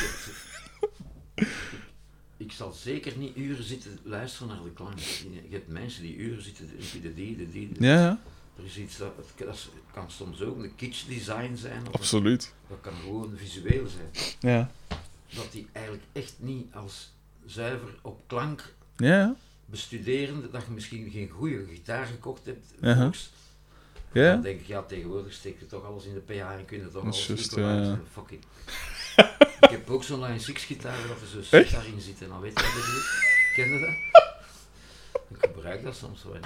hè. Echt? Zalig. Cool. Ehm, en eh, eh, als je... Want je hebt ook nummers geschreven, uiteraard. Wat- Ik vergeet dat ook weer. Sommige niet, sommige blijven hangen, dat zijn de goeie. Ja. Maar eh, hoe, hoe, gaat dat, hoe moet ik me dat dan voorstellen bij u? Hoe gaat dat bij u in zijn Er werk? zijn verschillende systemen. Ofwel tekst en muziek tegelijkertijd. Mhm. Dat zijn s'nachts. Dat moeten ze ook direct opschrijven, want Ja. zijn ze vergeten. Ja, zeker. Ofwel heb je in de studio dat je iets heel leuk opneemt met bas en drums, met Bart de Nolle van de contrabas. Mhm. En dat je de banden mee naar huis pakt zonder stem op en dat je daar een Ja. tekst in wringt. Ja. En dat uren en uren, ik laat dat altijd maar opnieuw. Zet dat in Ja, repeat. en op een deur heb je een melodie en een tekst. Dat is ook een systeem. Ja. Ofwel gewoon zoals op een vliegtuig of op een schrijfmachine. Alleen tegenwoordig is dat een schrijfmachine. Ja. Ja, zoals een dichter zou gedicht schrijven. Ja. En dan zou ik dan ook al staan. Dan ligt hij dan waarschijnlijk daartussen liggen. en dan vroeg of laat pak je daar een uit en dan begin je daar akkoorden rond te bouwen. Ah, cool. Dus eigenlijk eerst een tekst. Soms eerst een tekst, ah, ja. ja. absoluut. ja. Want als je dan een nummer schrijft, vooral bij blues, is er heel veel eh, eh, improvisatie ook. Al, Ik bedoel, niet zozeer uw basisthema, maar het wordt veel opgevuld Ja. met bepaalde... Veel blues, dat je het woord zingt en dan de gitaar echoot dat woord na. Ja, ja. Dat je een dialoog hebt echt tussen... eh, Ik zit hier in Bokrak, ding, ding, ding, dang, dang, dang, dang. Ja, tuurlijk. Ehm, en, en hoeveel ligt er dan vast bij een nummer? Bijvoorbeeld, allee, pak nu, je hebt, je hebt een, een nummer, eh, je hebt je skelet, dan weet ik Ja. veel. Ah, Wel, ik heb dingen die vast liggen, maar Ja. dat ik dan nog altijd kan, kan Ja. die vaste structuur dan ineens gebruiken als een reggae. Ja, ja? En dan een dag nadien een trage blues met de zesde teksten. Je tuurlijk. kunt, je moet het voor jezelf ook een beetje spannend houden. Absoluut. Als je echt... Maar als je dan naar de, als je dan naar de studio trekt, Hm. eh, vind je dat dan niet lastig dat je zo één ding moet kiezen altijd? Al, ik bedoel, dat je nee, gelijk je fills of je, allee, Nee, je dingetjes... zeker niet. Ah. Ik ben ook in de studio zeer... Ik zou de slechtste studiomuzikant zijn. Zeggen, oké, speel dat nog een keer. Behoeft totaal iets Ah, anders. wel, maar het is daarom dat ik het, dat ik het vraag. Omdat je, ik kan me moeilijk voorstellen dat je echt al alles vastlegt. Eh, Nee, nee, en dus moet je zo, zo je in Maar kiezen. wat Zo of nu die laatste cd, die zo, het woord producer, dat is ook iets, dat ik, daar kunnen we ook een dag of drie over discussiëren, over het woord producer. Mhm. Maar de platenfirma's vinden dat goed, want dat is een kapstok voor de verkoop. Dus dat was Tuurlijk. Mauro, Ja. fantastische gast ook, totaal. Moet ook een keer mee gaan Ja, komen. doodgraag, maar krijgt die manneke te pakken. Ja, tegen wie zeg je? Ja. Die heeft alle dagen, speelt hij in 30 verschillende groepjes. Ah, wel, Ja, voilà. Allemaal ei, hè. Ja, ja, tuurlijk. Schitterende P. Die zou ik inderdaad echt heel graag een keer Ik interviewen. ga dat een keer proberen. Maar ik, ik, ik heb zelf last om. Ik heb hem ook veel. We zijn een keer naar Saoedi-Arabië geweest. Mauro en ik. Maar mijn gij, Dat was een moeite zijn broer. Echt waar, ik zweer ja. waarom, waarom in Sau- Saudi-Arabië? Dat is dan ook weer van een of andere culturele attaché Ah, ja. van de ambassade. Ongelooflijk. Was echt iedereen geslaagd en hij Zot, hè? ook niks. Hè. Nee. mogen niet rijden. Dat is getikt, hè. Naast ons hotelteam was nog openbare onthoofdingen op. Echt? op de man. Dat is echt zot. En dan van die opname heb ik nog, ik weet niet veel dingen die we niet gebruikt hebben. Hmm. Want ik heb een aantal dingen live gespeeld. In de Studio Z, fantastisch gebouw. Het zal wel. Ook, eh maar erfrecht, erf, erfgoed. En, eh, maar Mauro is dan een model, die pakt het dan mee naar huis en die begint er dan van alles mee te doen. En dan Ja. stuurt hij dat terug naar mij. En dan, dat is dan alweer een andere manier van werken. Ja. Die zeker niet uit mijn traditie voortkomt in mijn tijd. hè. Hmm. Voor mij is een studio nog altijd een gitaar en een micro en dan oké, misschien een beetje bijregelen, maar toch Ja, dat de essentie, de essentie nog altijd live gespeeld wordt. Tuurlijk. Dat, dat gebeurt bijna niet meer, wij, minder en minder. Ehm, als je live wil spelen, of allee, als je live speelt, en je zou alles zelf mogen kiezen, Hmm. bijvoorbeeld, eh, zou je dan enkel jij, spelen, of zou je met een paar mensen samen spelen? Hmm. Want dat is natuurlijk ook plezant, hè? echt met iemand en, en samen. Alleen spelen is het voordeel dat je met niemand geen rekening moet houden, Hmm. wilde van akkoorden veranderen of wilde niet van akkoorden. Mhm. Maar muziek is toch ook zeer sociaal. Mhm. Het, het, met de juiste mensen op het podium staan, dat gaat niet over technieken, uiteraard niet, Mhm. is zalig. Ja. En als je dan. Ik of nu, ik heb iets met je. Het geheugen laat mij. Allee, slidegitaar. Niels de Kaster. Ja. En eh Bart, er zijn mensen. En ik heb zo'n soort pool waaruit dat, ik- Ja, ja. dat kunnen drie, vier bassisten zijn. Waarvan ik weet, daarmee op het podium, je moet niks afspreken. Ieder, daar bestaat een soort Ja, radar. Ja, Er gebeurt iets. Tuurlijk. Je moet niet zeggen, geen setlist, forget it. Mhm. Ook naar Bokkerijk met de setlists. Ja. En als dat met de juiste mensen is, dan klikt dat en dan Ja. iedereen stimuleert elkaar zodanig dat je stijgt boven jezelf uit. Ja, Dat is tuurlijk. Samenwerking tussen muzikanten. En zijn er dan, eh, als je zo zelf je ensemble zou mogen samenstellen, met wie zou je dan spelen? Dat zou alle dagen iemand anders kunnen zijn. ik heb nu hier, achter de hoek is er gelukkig de centrale. Mhm. Ik heb nog niet zo lang geleden iets gedaan met twee gasten uit Kinshasa. Zonder repeteren, ik kan u dat doorsturen. Amai, Het klinkt alsof dat we 100 jaar gerepeteerd hebben. de max. Dat is gewoon, ja. Ja, En dan heb ik iets met DJ Tudo, dat is een Braziliaan. Die in de.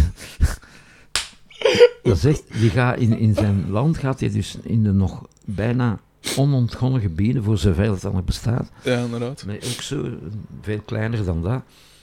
Zo met twee micro's zitten, gaat hij de percussie opnemen van de, de Cool. natives. Ja, ja. En dan komt hij daarmee thuis en maakt daar loops mee. Mhm. En dan speelt hij daar live Zo cool. bas bij. En Ja. Steven de Bruin, samen met Piet Maris, Mhm. zeer belangrijk, trompetist. Ja. Zou er ook moeten mee klappen. Hij is ook van aan aan côté. Is het echt? Ja. Draakalkens wat orkest en een stuk chocolade wil klaar zijn.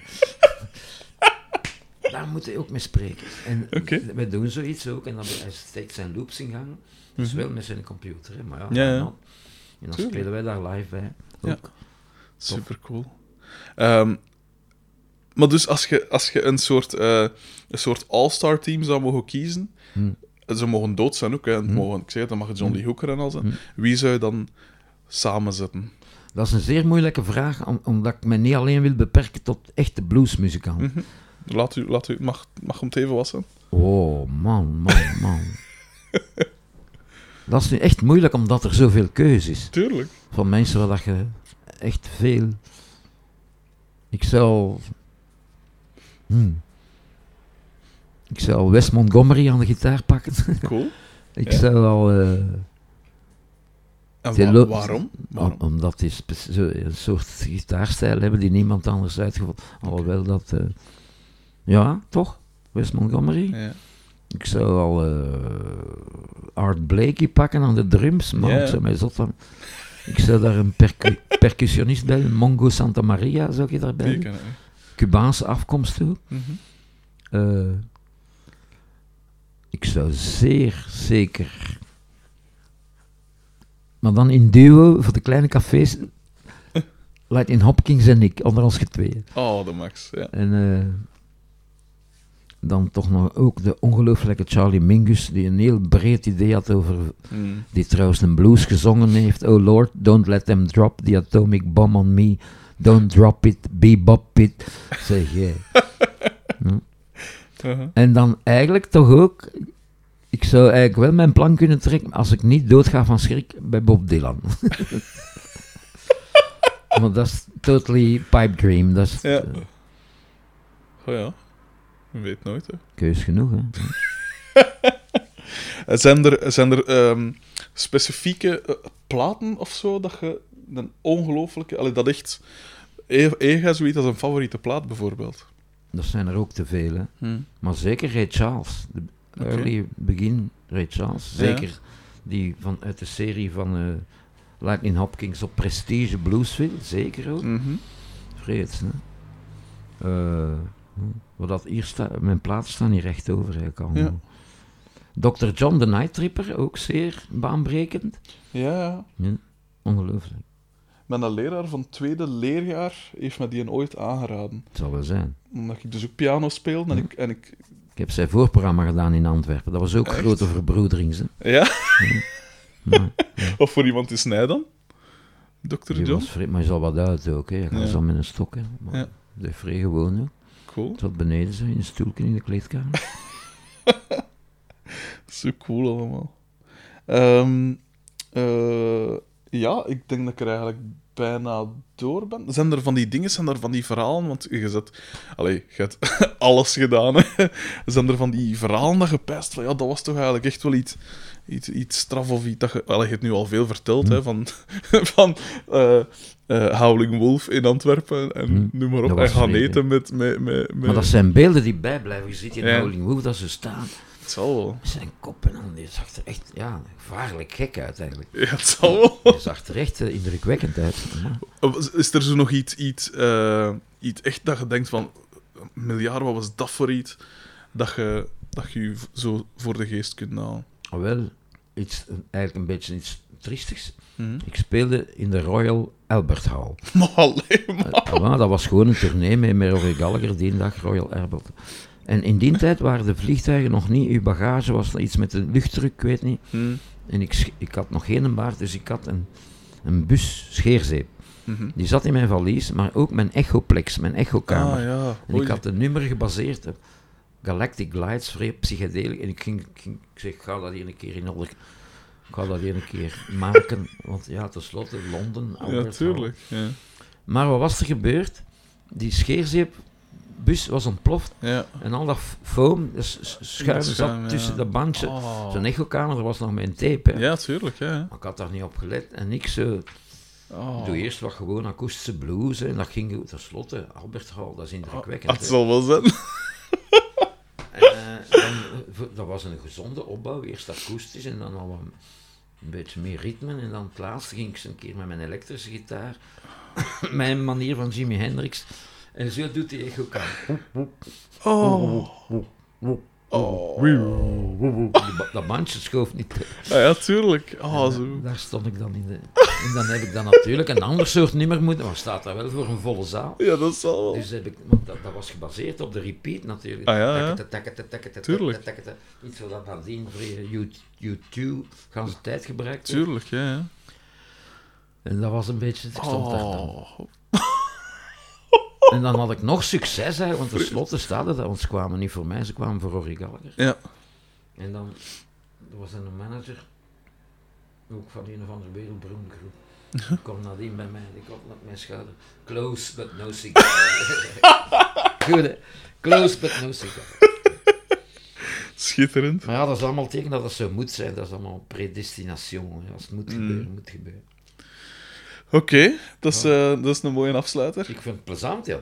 Ja, ik Moet vond het ook dat bezorgen, super tof. Ik zal het u zeker... Hoe Ik zal u- simpeler, hoe beter. Hè. Voilà. doen. Hè. Meer moet dan eens zijn, hè. Ik heb geen tijdsbesef, jij ook niet. Eh, wel, het is nu tien voor elf. Oh, dat is perfect. Hè. We kunnen nog, als je wilt, een koffie drinken hier. Aan de...